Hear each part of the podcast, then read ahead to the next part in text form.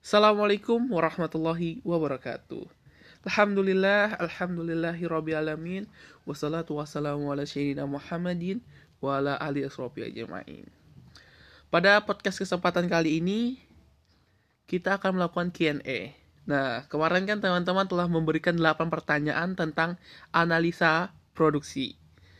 Nah, kali ini saya akan menjawab 8 pertanyaan tersebut. Bagaimana keseruannya? Langsung aja kita masuk ke pertanyaan yang pertama. Pertanyaan pertama dari teman-teman itu adalah apa sih itu produksi? Nah, jadi produksi dalam bahasa Arab dengan kata al-insa yang secara harfiah dimaknai dengan ijadu silatin atau mewujudkan mengadakan sesuatu atau kitmatu muayyanatin bi iskadami muzayyajin min anasyir intaz. Dahamina inzaru zamani muhadin. Yaitu pelayanan jasa yang jelas. Dengan menuntut adanya bantuan penggabungan unsur-unsur produksi yang terbingkai dalam waktu yang terbatas. Nah, menurut Abdurrahman Yusro Ahmad dalam bukunya Mukadiman fil il al-intishad al-islami menyatakan dalam melakukan proses produksi yang dijadikan ukuran utama adalah niat manfaatnya. Ingat, niat manfaatnya atau utility yang diambil dari hasil produksi tersebut. Dalam pandangannya harus mengacu pada nilai utility dan masih dalam bingkuan nilai halal serta tidak membahayakan bagi diri seseorang ataupun sekelompok masyarakat. Begitu teman-teman. Jadi produksi itu saat kita melakukan produksi itu harus ada manfaatnya dan menguntungkan diri kita juga orang yang menerimanya. Pertanyaan yang kedua, nilai-nilai tauhid pada produksi apa aja sih? Nah, yang pertama itu adalah melakukan kegiatan produksi adalah perintah Allah dan karena itu aktivitas produksi dipandang sebagai ibadah. Kedua, berproduksi bagi seorang muslim merupakan aktualisasi keberadaan dirinya sebagai khalifah Allah di muka bumi yang bertugas memakmurkan bumi dengan ilmu dan amalannya. Jadi orang yang berproduksi itu disebut khalifah. Jadi dia hanya harus mengelola bumi, memakmurkan bumi, bekerja dan berusaha sesuai dengan syariah Allah. Dan yang ketiga, bekerja untuk menghasilkan suatu barang dan jasa dalam rangka menafkahi keluarga adalah jihad fisabilillah. Rasulullah SAW pernah bersabda, Siapa yang bekerja keras untuk mencari nafkah keluarganya, maka ia adalah mujahid fisabilillah. Orang yang bekerja secara manual sangat dipuji dan dihargai Nabi Muhammad SAW. Dalam sebuah riwayat, Nabi SAW pernah mencium tangan orang yang bekerja mencari kayu, yaitu tangan Sa'ad bin Mu'adz. Tak kalah melihat tangannya kasar, akibat bekerja keras, Nabi seraya berkata, Inilah dua telapak tangan yang dicintai Allah. Terus yang keempat, kemampuan manusia berproduksi sehingga mampu menikmati hasil-hasil produksi dan mendapatkan harta karena berproduksi merupakan nikmat harus disyukuri kepada Allah. Islam mengutuk manusia kufur terhadap nikmat. Nah. Terus yang kelima, melihat pentingnya peran produksi dalam mewujudkan kemakmuran, maka Al-Quran dan Sunnah memerintahkan manusia untuk bekerja keras dalam mencari kehidupan guna memenuhi kebutuhan guna memenuhi kebutuhan hidupnya. Dan yang terakhir yang keenam, kegiatan produksi tidak boleh menghasilkan barang-barang haram seperti komar, rokok, daging babi, gelatin babi, plasetan, serta jasa-jasa terlarang, perjudian riba, prostitusi, dan lain sebagainya.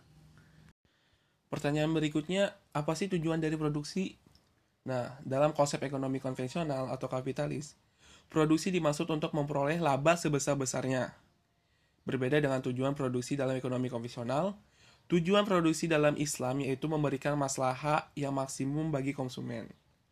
Walaupun dalam ekonomi Islam, tujuan utamanya adalah memaksimalkan masalah, memperoleh laba tidaklah dilarang, selama berada dalam bingkai tujuan dan hukum Islam. Nah, dalam konsep masalah dirumuskan dengan keuntungan ditambah dengan berkah. Keuntungan bagi seorang produsen biasanya adalah laba atau profit yang diperoleh setelah dikurangin oleh faktor-faktor produksi. Sedangkan berkah berwujud segala hal yang memberikan kebaikan dan manfaat bagi produsen sendiri dan manusia secara keseluruhan. Keberkahan ini dapat dicapai jika produsen menerapkan prinsip dan nilai Islam dalam kegiatan produksinya. Dalam upaya mencari berkah dalam jangka pendek, akan menurunkan keuntungan karena adanya biaya berkah. Tetapi dalam jangka panjang kemungkinan justru akan meningkatkan keuntungan karena meningkatkan permintaan. Berkah merupakan komponen penting dalam masalah. Oleh karena itu, bagaimana dan seperti apa pun pengkla pengklasifikasinya, berkah harus dimasukkan dalam info produksi sebab berkah mempunyai adil atau share nyata dalam membentuk output. Nah, berkah yang dimaksudkan dalam info produksi meliputi bahan baku yang dipergunakan untuk proses produksi harus memiliki kebaikan dan manfaat baik di masa sekarang maupun di masa mendatang.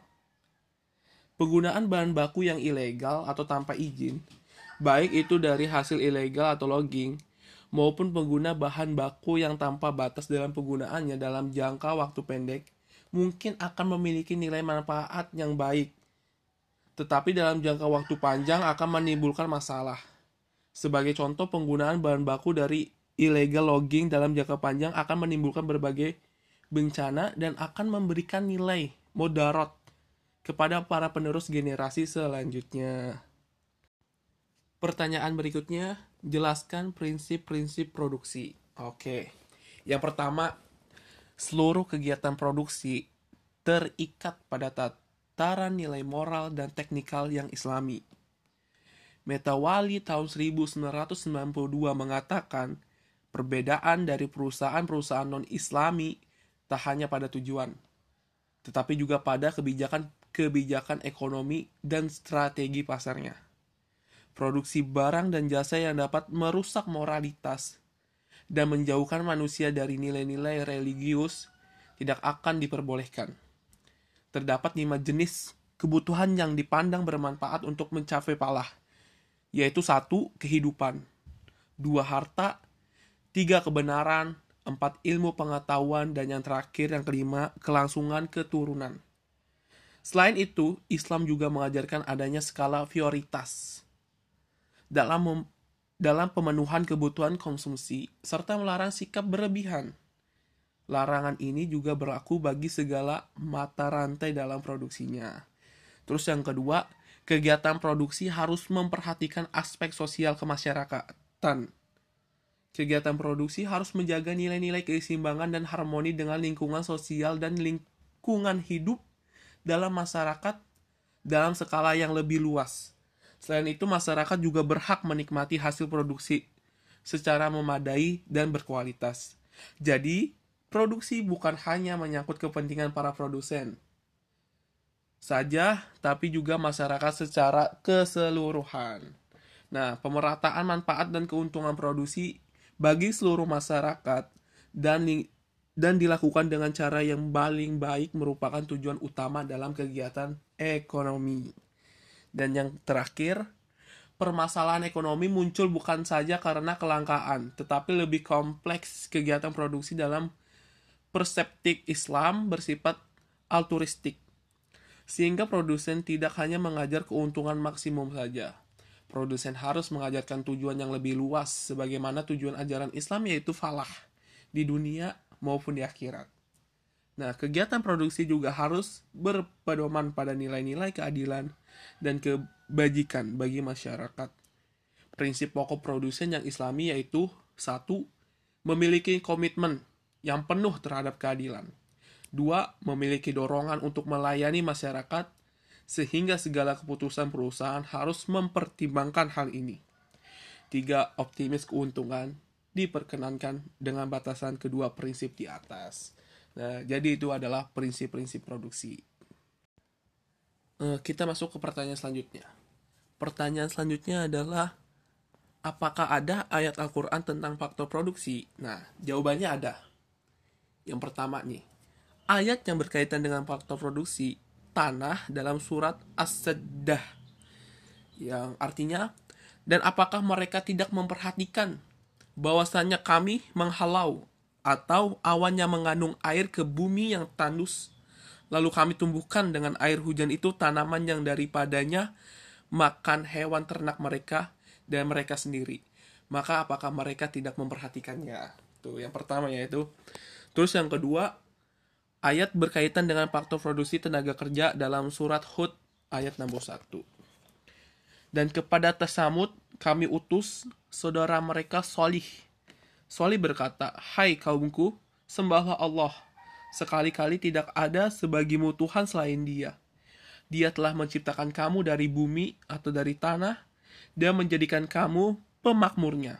Karena itu, mohonlah ampunannya, kemudian bertobatlah kepadanya. Sungguh, sesungguhnya Tuhanku amat dekat rahmatnya. Lagi memperkenankan doa hambanya. Terus yang ketiga, ayat yang berkaitan dengan faktor produksi modal dalam surat Al-Baqarah ayat 272.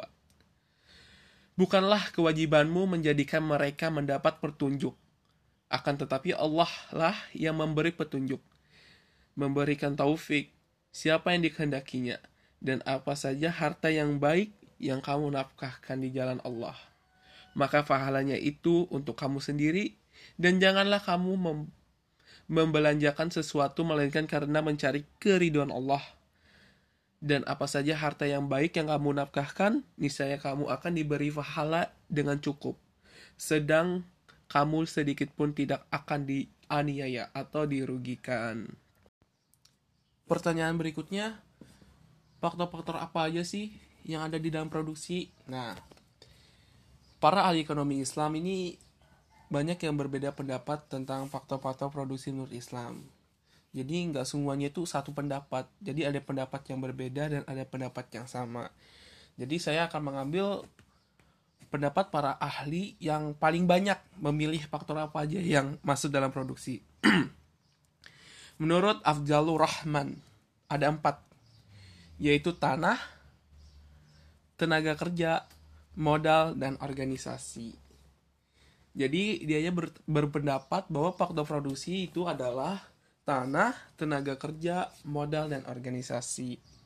Demikian pula dengan Dr. Muhammad Rawas Qalahji dan Muhammad Abdul Manan menyebutkan empat faktor produksi, yaitu tanah, tenaga kerja, modal, dan organisasi. Nah, menurut Dr. Al-Arabi, faktor yang memper faktor-faktor produksi itu adalah modal dan tenaga kerja aja. Jadi dia tidak masukkan tanah dan organisasi. Nah, jadi perbedaan pendapat ini kita lebih banyak mengambil pendapat para ahli yang tadi yang mengambil empat yaitu tanah, tenaga kerja, organisasi, dan modal. Apakah ada hadis yang berkaitan dengan prinsip produksi? Jawabannya ada. Ada tiga hadis yang berkaitan dengan prinsip produksi. Yang pertama adalah hadis riwayat Bukhari Muslim. Di dalamnya terdapat perkataan, tidak ada yang lebih baik dari seseorang yang memakan makanan kecuali jika makanan itu diperolehnya dari hasil jeripayanya sendiri. Jika ada seseorang di antara kamu mencari kayu bakar, kemudian mengumpulkan kayu itu dan mengingkatnya dengan tali, lantas memikulnya di punggungnya, sesungguhnya itu lebih baik ketimbang meminta-minta pada orang lain. Terus hadis yang kedua adalah hadis Tabrani dan Dailami yang yang berkata Sesungguhnya Allah sangat suka melihat hambanya yang berusaha mencari rezeki yang halal. Dan yang terakhir, hadis riwayat Tahabrani. Berusaha mencari rezeki halal adalah wajib bagi setiap muslimin. Nah, jadi ada tuh tiga hadis tersebut adalah tiga hadis yang menjelaskan atau yang berkaitan dengan prinsip produksi. Jadi kalian tidak perlu ragu lagi di Al-Quran ada ayatnya terus di hadis juga ada dan pertanyaan terakhir mengapa kita harus memilih produksi islami nah karena produksi dalam Islam tidak semata-mata hanya ingin memaksimalisasi keuntungan dunia. Akan tetapi yang lebih penting adalah memaksimalisasikan keuntungan di akhirat.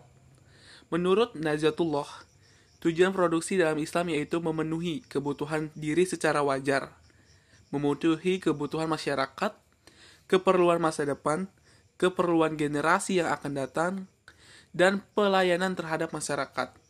Nah, sepanjang produsen telah bertindak adil dan membawa kebajikan bagi masyarakat, maka produsen telah bertindak islami. Nah, produksi berkaitan erat dengan bekerja, yaitu suatu aktivitas yang dilakukan seseorang secara bersungguh-sungguh dengan mengeluarkan seluruh potensinya untuk mencapai tujuan tertentu. Al-Quran menyebutkan dalam istilah beramal yang berupa aktualisasi eksistensi diri untuk memelihara kelangsungan hidup, memakmurkan bumi, dan memberi nilai tambah kehidupan. Karena produksi merupakan proses memberi nilai tambah bagi manusia, maka produksi harusnya produksi amal terbaik.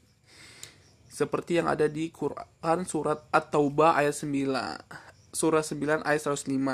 Dari Ana bin Malik radhiyallahu berkata, Rasulullah SAW bersabda, tidaklah seorang muslim pun bercocok tanam atau menanam suatu tanaman, lalu tanaman itu dimakan oleh burung atau manusia atau hewan melainkan itu menjadi sedekah baginya. Jadi produksi dalam tidak hanya dalam konteks keuntungan materi saja. Alhamdulillah telah selesai 8 pertanyaan dan 8 jawaban.